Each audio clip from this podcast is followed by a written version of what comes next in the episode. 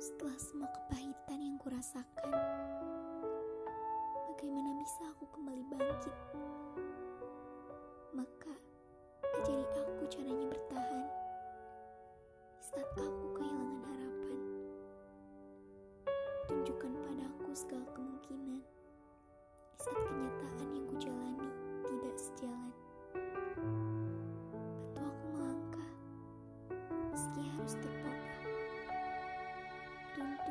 berjalan meski tanpa arah dan tujuan.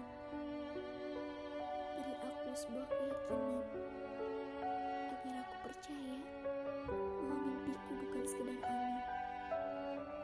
Kuatkan pundakku aku hampir putus asa.